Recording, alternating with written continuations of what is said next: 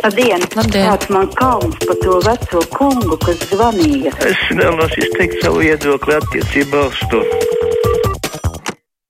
Pieslēdzam Latvijas radio eteram pirmdienas brīvo mikrofonu mūsu tāluņa numuri 6722, 55, 99 vai 6722, 888. Mudina arī rakstīt no Latvijas radio vienas mājaslapas, sadaļa kruspunktā vai sadaļa brīvais mikrofons. Tātad mūsu tāluņa numuri 6722, 888 vai 6722, 55, 99.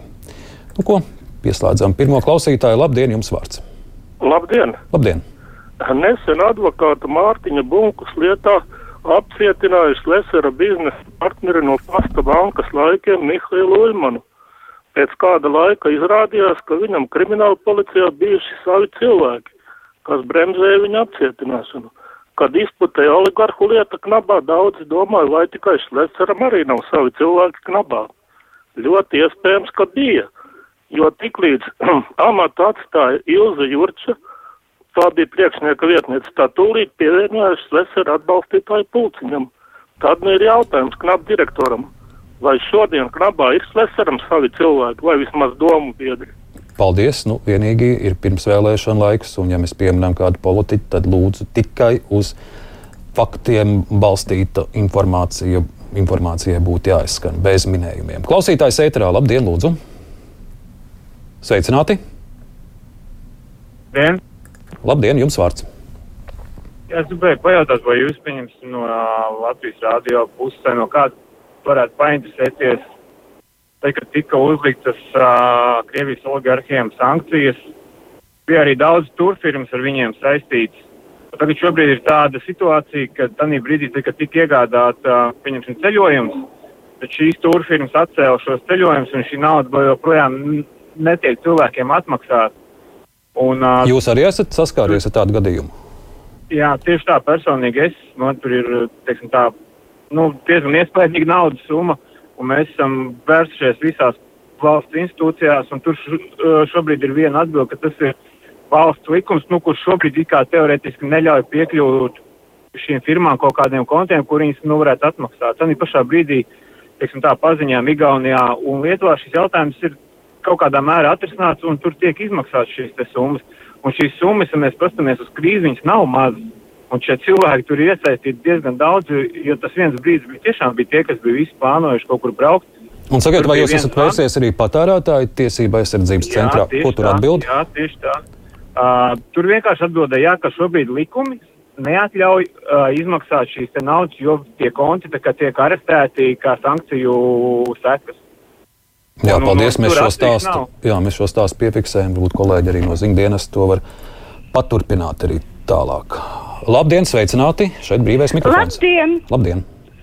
Es vēlētos parunāt par pensiju lietām. Pensionāri, kuri pens, pensionējušies pēc 2012. gada eh, 1. janvāri, aprēķinot pensijas, netiek ņemts vērā darba stāsts līdz eh, 1995. gada 31. decembrim. Var sakot, piemaksa par darba stāžu netiek aprēķināta.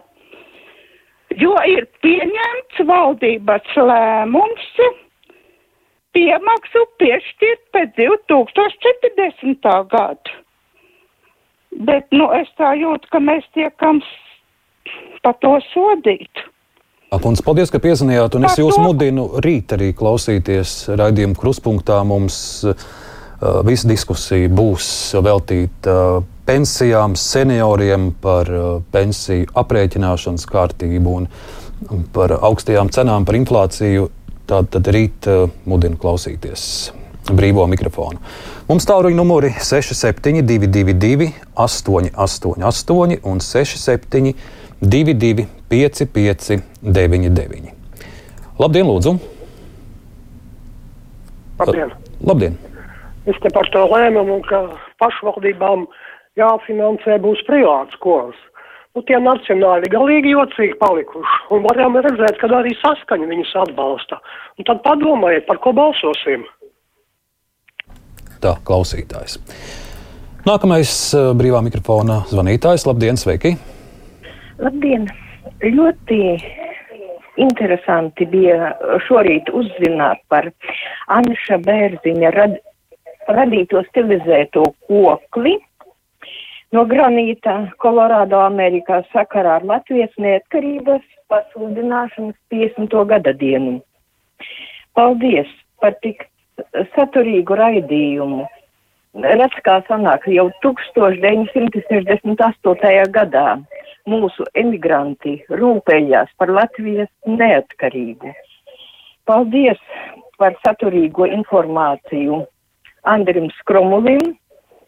Var tiešām pamācīties, kā jāsaka vārds ģerbonis, nevis tā kā pie mums saka ģērbonis. Jā. Paldies, kundze, ka piezvanījāt un, un dalījāties ar šo stāstu un saviem komplimentiem. Nākamais mūsu klausītājs. Sveiki! Labdien! Labdien. Uh, man, uh, es dzirdēju, kaimiņu runājam, kad uh, vajadzētu bērniem ieviest kaskas. Kāds varētu būt uh, jūsu viedoklis uz to? Ko ieviest? Paldies! Ko ieviest? Uh, kaskas bērniem līdz 18 gadiem ieviest. Kas? Kāds būtu jūsu viedoklis? Mm, Tā es uzreiz jūs nepateikšu. Man liekas, tas jau jāskatās pēc visiem noteikumiem un drošības lietām. Un, jo drošāk uh, uz ceļiem, jo, jo labāk. Tā kā, man liekas, tas pat ir kā obligāti, ka ar riteni braucot bērniem vajadzētu būt šādai aizsardzībai. Labdien, jums vārds! Sveicināti brīvajā mikrofonā! Labdien! Labdien. Uh, Latvijas Rādio 4 arhīvā bija raidījumi uh, brīvā Eiropa, Radio Saboda. Tad jūnijā visi šie raidījumi ir izdzēsti no arhīva. Nu, vai nevarētu noskaidrot, kāpēc, kas traucē viņu noklausīties, vai autortiesības, jeb amerikāņu protestē, ja tur bija kādas slepenas ziņas.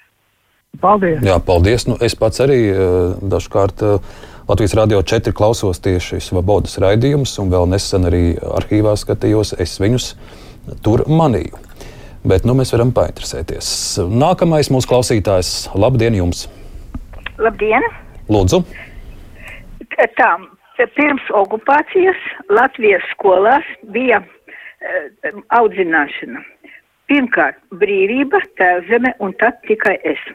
Tagad es izlasot jauno uh, mācību programmu, tur par audzināšanu vispār ļoti maz, tur par patriotismu vispār ir tabū, tur audzināt jauno cilvēku lojālu valstī. Nu, ko tad mēs tad gribam? Kāda te, kāds te patriotisms un kāds, kā, nu, nu tā kaut kā tas ir, domāju, viss vispār, viss ir nepareizi. Viss ir nepareizi. Arī tāds viedoklis šodien brīvajā mikrofonā. Tāluņa numuri 6722, 888, 672, 559, 99. Daži mūsu e-pastu rakstītāji Eva raksta. Pozitīvs bija lielisks. Tātad mūzikas festivāls brīvdienās, kas notika Rīgā. Tad uh, Jānis raksta, šodien izlasīja, ka Medvedevs draud Ukrainas iedzīvotājiem, ka viņi vienā mirklī varot izgaist. Cik saprotu, viņš domā par atomieročiem. Arnē var painteresēties, kāda būs NATO un Eiropas rīcība, ja Krievija pielieto atomieročus pret Ukrajinu. Mums pagājušajā pirmdienā bija saruna ar uh, valsts kancelējas strateģiskās komunikācijas vadītāju.